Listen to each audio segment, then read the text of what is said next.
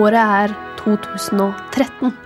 Bitcoin er bare fem år gammelt. Verden har så vidt begynt å få øynene opp for kryptovaluta.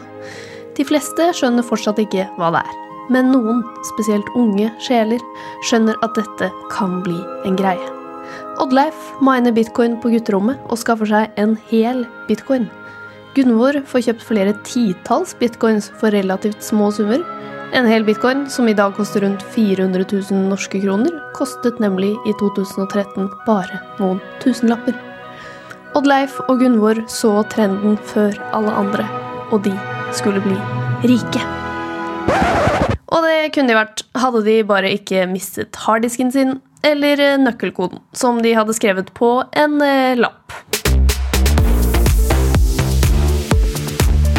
Litt fram i tid, og risikoen for å drite seg ut og miste tilgangen til kryptovalutaen din er ganske mye mindre. Det finnes etablerte børser, lommebøker, ting er litt mer eh, brukervennlig. Men det har også kommet enormt mange flere tilbud og mye mer å sette seg inn i. Så hvordan vet du hva du skal kjøpe, og hva du absolutt ikke skal kjøpe? Og hvordan oppbevarer du kryptovalutaen din på en trygg måte i dag? Velkommen til en ny episode av Voksenpoeng med meg, Nora Rydne, journalist i E24. Og med meg så har jeg deg, analytiker Sofia Blikstad i Arcane Krypto. Velkommen. Takk for det. Takk for at jeg får være med. Dette har jeg gledet meg til hele uken. Jeg òg. Jeg gleder meg til å komme inn i investordelen av krypto her. Eh, og vi kan jo bare begynne rett på. Jeg har jo undersøkt litt eh, hva man kan putte penger i. Og så fins det jo, som vi har vært inne på i tidligere episoder, utrolig mange forskjellige valutaer. Så jeg lurer på um, hvordan bestemmer man hvilke man skal sette penger i, hvis man har lyst til å prøve seg litt på kryptoinvestering? Ja, det er jo mye å sette seg inn i, som du sier. Eh, og vi kan jo bare starte med at sånne si, tradisjonelle vurderingsmodeller det er det bare å eh, hive ut av vinduet. Eh, I stedet så er det særlig eh, tre ting som gjelder altså, um, å se på, og det er eh, nytteverdi, eh, scarcity, eller knapphet, og opplevd verdi. Så um, det gjelder å, å gjøre research. Og da eh, nytteverdi handler åpenbart om hvordan en mynt kan eh, brukes, eh, og dens bruk i det spesifikke eh, blokkjein-nettverket som den er relatert til. Eh, Ether for eksempel, er jo valutaen til Ethereum blockchain, som har fått stor suksess pga. den økende verdien til eh, Ethereums eh, smartkontraktsteknologi, f.eks., eh, hvor da Ether kreves for at noen på eh, blokkjeden skal kunne utføre diverse kommandoer, utvikle applikasjoner, og ettersom Ethereum-teknologier blir utnyttet i eh, økende grad, eh, og folk utfører flere transaksjoner med Ether, så øker verdien. Eh, og så har du jo den altså knapphet, som er et annet unikt aspekt ved, ved krypto. Eh, på samme måte som eh, altså sjeldenhet driver verdien av en vare i tradisjonelle økonomier, så kan det jo det samme konseptet overføres til eh, kryptovalutaer, da de har begrenset tilgang. Men det varierer jo selvfølgelig. Så jeg vil bare understreke at kryptovaluta ikke er kryptovaluta. Eh, for det er mynter med, med vidt forskjellige egenskaper. Eh, og så siste da opplevd verdi, som eh, også vil øke den relative verdien av en kryptovaluta. Og det skjer på flere måter.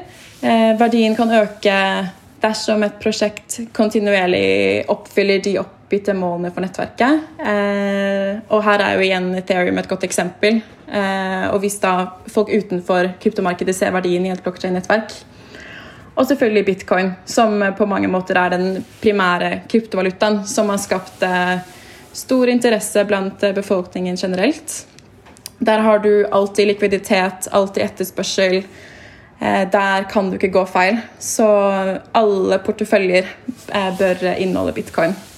Eh, det blir litt som å investere i internettet kan du si, istedenfor selskapene som er bygget på toppen av det. Eh, og mens internett er grunnlaget og aldri vil bli erstattet, så vil jo ikke Facebook og Google eksistere for alltid. Så det kan du overføre til altså type tokens da, og de originale blokkjedene. Eh, men hvis, også hvis, du er en god trader, så kan du jo overgå eh, bitcoin på, på kort sikt med sånne type altcoins. Problemet er at de fleste overvurderer hvor gode de er. og 5% av traderne der ute tjener gjerne 95% av alle pengene. Langsiktig så vil de, de fleste tape på det. Um, ja, for da skal du ha veldig god oversikt. Det er litt som hvis man tenker på aksjer og at hvis du skal uh, slå uh, indeksen, så må du kunne ganske mye. Eller ha veldig flaks. Ja, nettopp. Eh, fordi du skal jo ikke bare treffe, du skal treffe på riktig tidspunkt. Mm. Eh, og så kan jeg, jo, kan jeg, jo, si at eh, erfaringsmessig så blir jo folk veldig utålmodige når de entrer kryptouniverset. Eh, og man ser coins og tokens doble seg i øst og vest. Så man beveger seg liksom bort fra de trygge for å bli med på et slag eller to. Og før du, før du vet ordet av det, så har du blitt rekt på en uh, yolo-coin. Jeg liker setningen 'rekt på en yolo-coin'. Ja. Ikke sant? Uh, så ja, ikke la fremtiden glippe fordi du blir uh, grådig. Ha, ha bitcoin-eksponering i bunn, så kan du leke litt med DeFi, skaffe noen governance tokens, lese om yield farming. Men altså, gjør din egen research og ta personlig ansvar. Hvis ikke, så eh, vil du brenne deg. Hvordan, eh, har du noen tips da til hvor man kan finne den, eh, den infoen? For det finnes jo utrolig mange forum og alt sånt. Hvor ville du lett etter litt sånn nybegynnerkunnskap da, før man finner ut om man har lyst til å putte penger i noe annet enn bitcoin eller Ethereum? Eh, det finnes jo mange gode ressurser. Eh, et godt sted å starte er jo sånne type eh, nyhetssider. Altså, I Norge har vi jo Kryptografen med tilhørende podkast som har masse bra informasjon. Bare Vær forsiktig med å stole for mye på folk på internett, for det er veldig mye feilinformasjon som blir spredd. Veldig mange sånn selverklærte guruer som skal prøve å selge deg en sånn eksklusiv Telegram-gruppe med oppskriften til suksess. Så man må bare sortere ut de som er seriøse, fra de som bare uh, mener, eller som skal reklamere, kanskje? Nettopp, nettopp. Og det er ganske enkelt. Men eh, hvis jeg skal kjøpe krypto, eh, så ser jeg jo at det finnes mye forskjellige plattformer og kryptobørser. Det er jo til og med en norsk kryptobørs. Hvor burde man kjøpe krypto? Er det noen forskjeller på plattformene sånn i form av kostnader eller funksjonen, egentlig? Ja, det er det definitivt. Det er jo flere, flere ting å inkludere i vurderingen. Eh, beliggenhet, avgifter, hvilke krypto du er interessert i. For det er jo ikke alle, alle børsene som tilbyr alle, alle myntene, hvis jeg kan si det. Eh, hva investeringsstrategien din er. Og som regel, eh, jo lettere det er for deg å betale, eh, jo flere avgifter vil du vanligvis pådra deg. Eh, ja. Det, finnes jo, det, finnes jo, flere tjenester som bare lar deg betale med kreditt eller debitkort. Og de som gjør det, får deg til å, å betale for den bekvemmeligheten. Men uh, dette, altså disse gebyrene varierer veldig fra børs til børs og forskjellige regioner. Så det er verdt å gå og se på forskjellige. Eh, majoriteten av, kryptohandel foregår på sentraliserte børser, som eh, Coinbase og Binance. I Norge har vi jo eh, Kaupang, blant annet. Eh, og disse plattformene styres av en enkel myndighet, altså selskapet som driver børsen, og krever at du da plassere midler under deres kontroll og bruker si, et sånn tradisjonelt ordresystem for å eh, muliggjøre handelen. Da. Og si, Det er veldig enkelt å bruke. Eh, hovedproblemet med den typen er eh, likviditet, som da refererer til dybden og, og antall ordre det er på ordreboken til enhver tid. Og sikkerhet.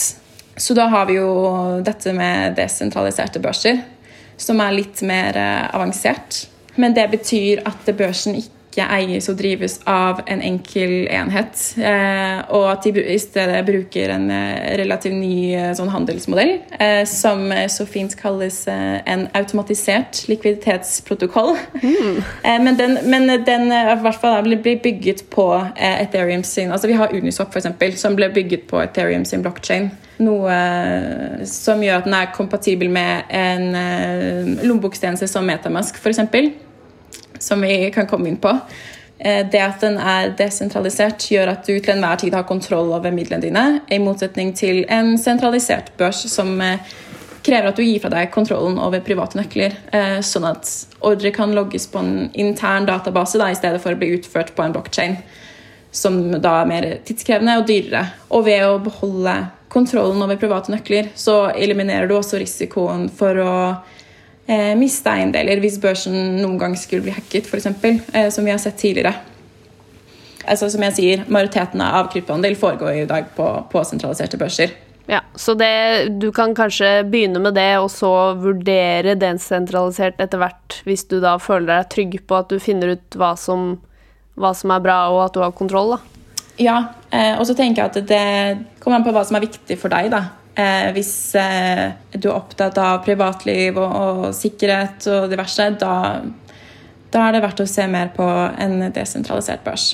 Eh, men hvordan er det man kjøper Altså, du var jo litt inne på det, men uh, det er jo noen ting du må ha. Du nevnte en wallet. Mm. Eh, hvis vi tar for oss det. Eh, så en, en vanlig si, misoppfatning er at eh, kryptovalutaen din er, er, lagret i lommeboken din.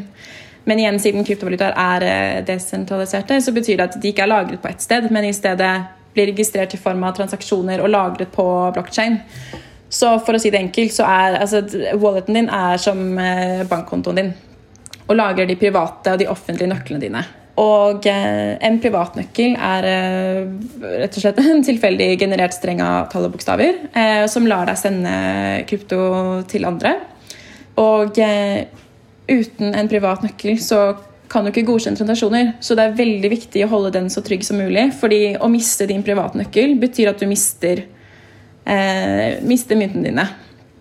Men den offentlige nøkkelen er, er type lommeboksadressen din, og den brukes av andre til å sende kryptovalutaer til lommeboken din. Eller si at du har en eh, Jeg skal komme nærmere inn på det, men at du har en hardware wallet, og du eh, handler krypto på en eh, børs.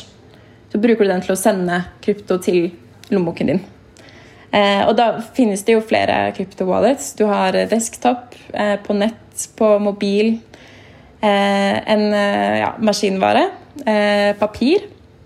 Men om du er seriøs og det er snakk om større beløper, så er en hardware wallet det beste alternativet med tanke på sikkerhet. Og i motsetning til sånne programvare-wallet, så lagrer en hardware wallet nøklene dine på maskinvaren. og de aller fleste er designet for å være trygge Eh, selv eh, når de skulle kobles til eh, si, infiserte datamaskiner. Å holde, holde midlene dine trygge, det syns jeg bør stå øverst på prioritetslisten når du velger lommebok. Okay. Da ville jeg sjekket ut både Ledger og Tresor. Det er vel de to mest populære. Begge kommer med bred myntstøtte og gode sikkerhetsfunksjoner. Og da igjen hovedforskjellen eh, eh, koker ned til eh, design. Og der vil jeg igjen bare lese meg på begge for å finne ut, finne ut av hva som passer for deg. Og det er da et program jeg laster ned på datamaskinen min. Det er ikke på en sånn app på mobilen. Nei, altså hardware, det er jo Da kjøper du en maskinvare. Ja. Så den bestiller du, og da igjen er det veldig viktig at du, du, at du er sikker på at du er på riktig side. Hos riktig leverandør. At du ikke får et falskt produkt. Men da bestiller du rett og slett uh, Ledger da, ser ut som en sånn USB-brikke rett og slett, som du kobler inn i maskinen din, og bruker den til å, til å godkjenne transaksjoner.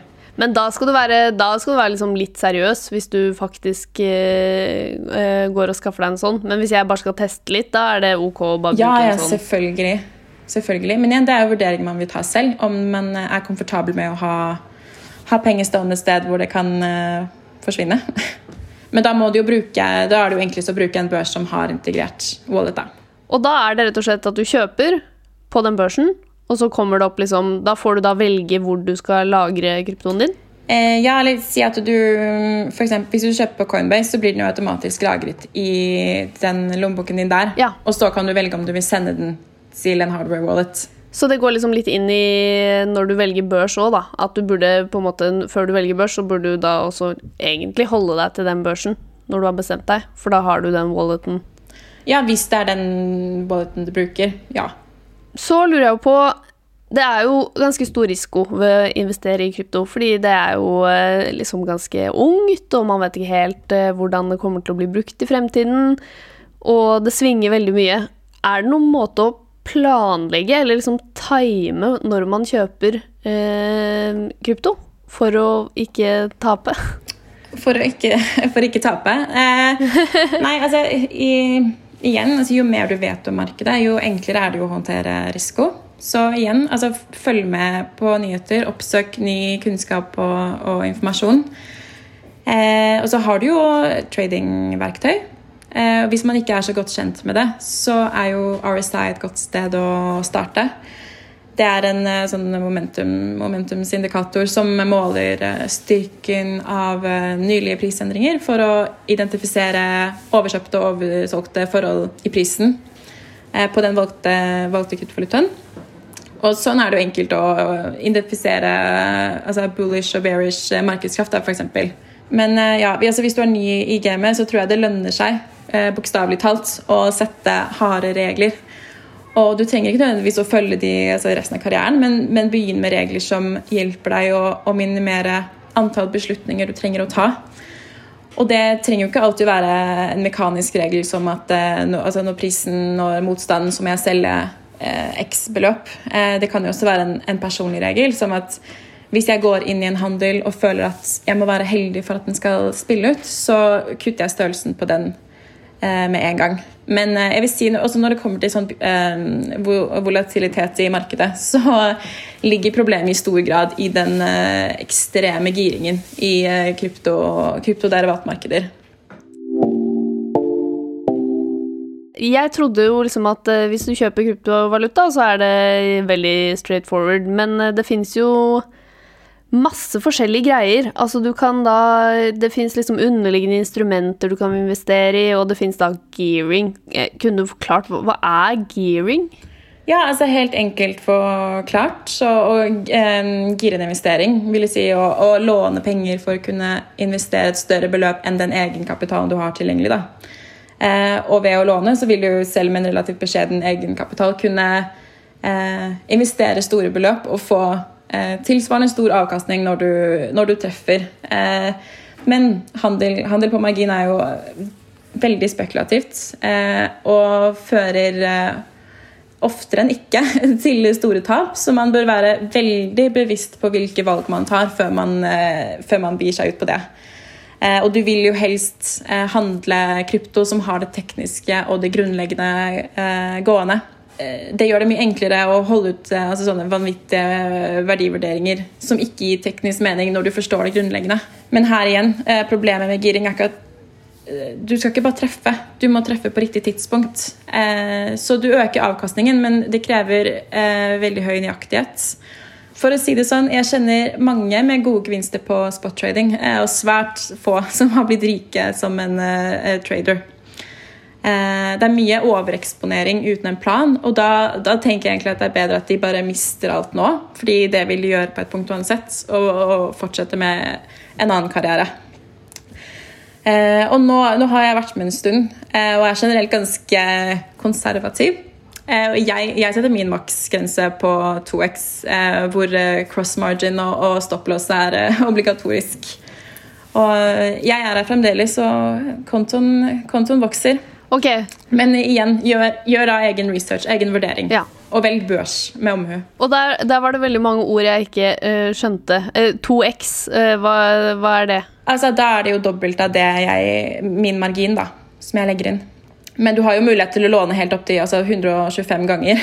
Ja, Så da er du faktisk litt inne på gearing, men fordi hvis jeg bare investerer det jeg har av penger, da er det ikke noe Det er 1X. Ja, da må du jo Det er, jo marginhandel. Eller altså ja, Sånn som Binance, f.eks. En uh, annen kryptobørs som tilbyr det. Det er jo ikke alle som, som tilbyr det i det hele tatt. Men uh, det er jo ikke noe du hopper inn i uten å ha noe kunnskap om det. Ikke sant. Så hvis det, som nybegynner, da, eh, er gearing bare noe du burde droppe?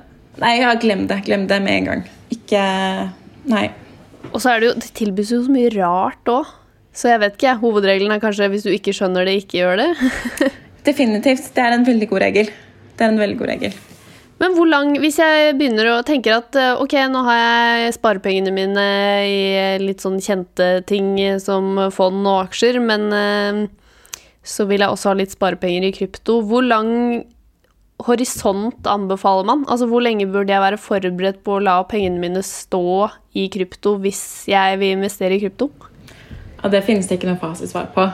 Det gjelder jo bare å, følge med på markedet og se hvor mye du tåler. For det er jo, som du sier, eh, veldig mye volatilitet. Og har man tid og interesse, så kan det for mange lønne seg å, å følge med og, og, hva skal jeg si, veksle, veksle litt. Eh, kryptovaluta, eh, følge med på bevegelser i markedet. Eh, men jeg, sånn som, jeg har jo en veldig eh, langsiktig, eh, et veldig langsiktig perspektiv på det. Men det betyr jo ikke at, at det jeg har i bitcoin, at det kommer til å være bitcoin hele veien. Det er jo Posisjonene endrer seg jo. Ja, Men hvis man ikke kan veldig mye, så burde man være forberedt på at det bør stå en stund før man får noe avkastning. Eller altså at det kan komme mye opp og ned, da. Ja, ja, ja. Definitivt. Så, men jeg sier bitcoin, da. Så vil jeg i hvert fall eh, Jeg tror at veldig mye kan skje på fem år. Så vær tålmodig, sier jeg til meg ja. selv også. Og ikke sett pengene der hvis du trenger dem i morgen. Eh, nei. Men finnes det andre måter å investere liksom indirekte i krypto? Jeg ser jo at det går an å investere f.eks. i miningparker, og det fins mye liksom sånn indirekte greier. Er det smart? Ja, definitivt. Um, sånn som altså, Defi. Um, produkter har jo virkelig tatt av det siste året og gjør det mulig å, å virkelig ta kontroll over egne verdier. Uh, eier du bitcoin, så kapitalisere på det i stedet for å la de støve ned i en wallet. Du kan låne de ut, eh, du kan belåne de og bruke de pengene på noe annet. Eh, og da setter du inn verdier som du har i eget eierskap, eh, og så får du rente på det. Og de rentene, altså om det er pool rewards eller stake rewards, er veldig høye, så det utgjør fort litt penger. Og du kan styre sånt selv i protokoller som vi har f.eks. Ave og Compound. Og det er kort og enkelt låneprotokoller som gjør det mulig for brukere å både låne ut og låne et stort utvalg av kryptovalutaer. Men dette er liksom Dette er liksom investeringsprodukter som kun blir tilgjengelig for deg hvis du først har f.eks. bitcoin? da? Mm, mm. Ja, for jeg kan ikke bare investere i en miningpark f.eks. uten at jeg har bitcoin. Eller det blir nesten som å kjøpe aksjer, det, da. Ja, altså hvis, er, hvis, du investerer i et miningprosjekt, det kan man jo gjøre, men det blir jo ikke helt det samme. Nei. Men du kan jo f.eks. bli med i såkalt uh, mining pool. Eh, og da er det jo Altså går man jo sammen eh, og forbedrer eh, skal si, felles eh, prosessorkraft, da. Som gjør at man eh, får eh, skal si, oppnådd skal si, ønsket produksjon raskere. Ja. Eh, og at belønningen deles på alle medlem medlemmene. Nettopp. Så hvis du først har krypto og har tenkt å, men jeg vil kanskje gjøre noe mer, da kan du begynne å se litt på hva du kan gjøre med de kryptocoinsa eh, du har. Det er veldig, veldig mye man kan gjøre. Og, men, eh, for jeg tenker jo umiddelbart når jeg ser sånne ting og ikke skjønner noe av det, at det er bare tull og fjas, men det er ikke nødvendigvis det. Nei, eh, og det ser man jo. Det, jo, det er et marked som har modnet veldig mye sånn, bare det siste året. Og, og veldig, veldig, mange gode produkter eh, som har kommet. Jeg ville spesielt sett på sånn type Ave, eh, Compound. Eh, hvis du eh, Vi ser på altså Mining Pool, så har du jo Slush som et av de beste og, eh, og mest populære. Så nei, det finnes, finnes trøstevis av protokoller. Er dette noe du finner liksom inni de normale liksom, plattformene der du også kjøper bitcoin, eller må du da inn på noen andre plattformer? Nei, eh, for da igjen snakker vi jo desentralisert eh, finans. Ja. Så det, det, er jo med en gang litt mer eh, komplisert. Så da er vi igjen over på dette er liksom for, for viderekommende etter at du har kommet forbi nybegynnerfasen. Ja. Så ikke, ikke, ikke stress med det. Det er mye, mange med FOMO, men det altså, Og man tenker liksom at hvis ikke man har begynt nå, så er det for sent. Men det er det virkelig ikke. Ok, en liten oppsummering her. Når du begynner, er det nok smart å starte med kjente børser når du skal handle krypto. Det finnes til og med norske børser, men eh, du bør sammenligne avgifter, for de kan variere.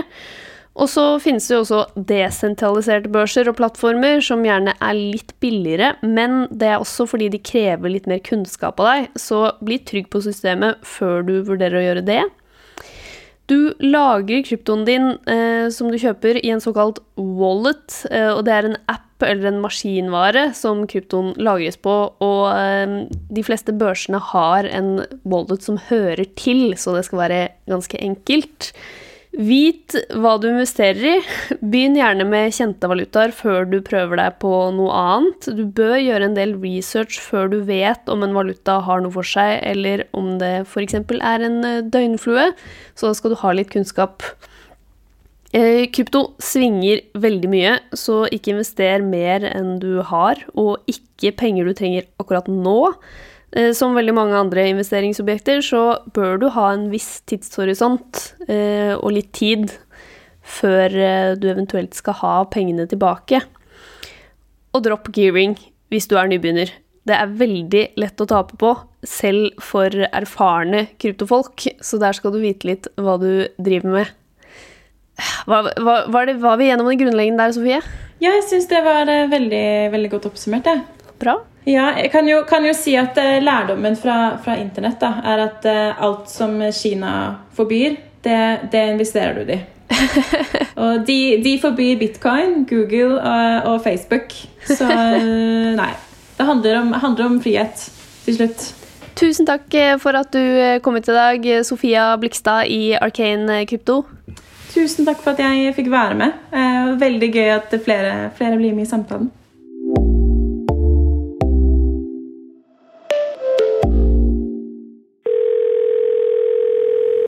Hallo, Morten Søberg. Du er eh, direktør for eh, samfunnskontakt i eh, Sparebank1. Hallo, hallo. Hva er det største hverdagsproblemet eller problemene mellom bank og kryptokunder? Det er egentlig ikke så mange problemer i den forstand at dersom du er en vanlig bankkunde og har, har lønnskonto, har sparekonto og ønsker å enten kjøpe eller selge forskjellige eh, såkalte kryptovalutaer, eller virtuelle valutaer, så er det forholdsvis fritt fram i dag. Det kan være, eh, sånn som for min egen del, at du må gå inn på nettbanken og, og spesifisere i, i denne kundeerklæringa di eh, at du ønsker å handle med slike valutaer. Det kan f.eks. i mitt eget tilfelle være slik at dersom du i løpet av et år ønsker å kjøpe eller selge type bitcoin eller eter for, for mer enn 50 000 kroner, så, eh, så, du, så er du egentlig forplikta til å oppgi opplysninger om det til, eh, til, banken din. Eh, men generelt sett så er det her langt enklere enn det åpenbart kan ha vært før. Ok, Så hvis du skal sette i gang og investere og flytte penger ut og inn av krypto, så, så, bør du si fra til banken din bare ved et skjema, eller skal man ta kontakt? Eller? Ja, nei, For eh, de aller fleste så er det slik at eh, du har signert, du har fylt inn informasjon som gjelder, eh, gjelder kundeforholdet ditt til banken. Der vil det typisk også være spørsmål som gjelder nettopp slike virtuelle valutaer. Og da er det selvfølgelig snakk om kjøp og salg av, av slike. Det kan også være at du blir bedt om å informere om du er interessert i å handle slike valutaer med tanke på investering, eller kjøp og salg av Eller, eller betaling, mener jeg, for, for varer og, og, tjenester. Jeg tror det er nokså standard, men jeg har jo egentlig aller beste oversyn over de bankene som jeg sjøl er kunde i. Men eh, så har det jo vært noen eh, problemer med at eh, krypto er jo ganske nytt, og så har det jo også blitt brukt f.eks. i hvitvasking og litt lyssky aktivitet. Og så har jo bankene systemer for å avdekke eller mistenke hvitvasking, f.eks. Så hvordan unngår man som en vanlig kryptokunde eller kryptoinvestor å ikke havne i det mistankenettet der? I det uføre der? Ja. ja nei, der, der, er det en veldig veldig grei og fin tommelfingerregel. Og det, den er eh, kort og godt og i klartekst at dersom du er interessert i å kjøpe eller selge kryptovaluta, så bør du selvfølgelig bruke plattformer som eh, har lisens til å operere på dette markedet. Eh, og som har konsesjon med andre ord, fra, fra Finanstilsynet. Det finnes stadig flere av dem også her til lands. f.eks. Kaupan Krypto, som, en av de, som var en av de første til å tilby denne type tjenester. Og, som, og der alt er i orden med tanke på løyve ifra, ifra styringsmaktene.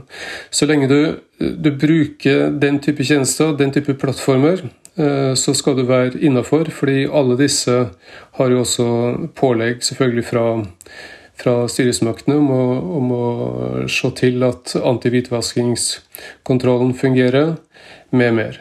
Eh, så det, det, er langt mer regulert, transparent eh, og, og, ikke minst trygt enn det var for bare kort tid siden. Er det, er det liksom noe du kan gjøre for at du ikke skal ende opp med at du ikke får brukt gevinsten din, hvis du har det, til noe? Alle banker er på vakt, kan man si, overvåke særskilt store transaksjoner, spesielt som går på tvers av landegrenser. Eh, igjen så, så, går det tilbake til det, til det, kundeforholdet du har til banken, hva slags avtale man har for bruk av konto. og Det kan jo helt sikkert skifte fra, fra person eh, til person, eh, men det generelle Bildet er jo at veldig mye er lov, eh, og at det er forholdsvis lett å holde seg innafor lover. Så kan det være enkelttilfeller som kan være litt eh, utfordrende eh, for en bank. Men da får jo kunden i så fall informasjon om det, og høve til å gå inn i en, i en dialog med banken for å få avklart og opplyst saksforholdet.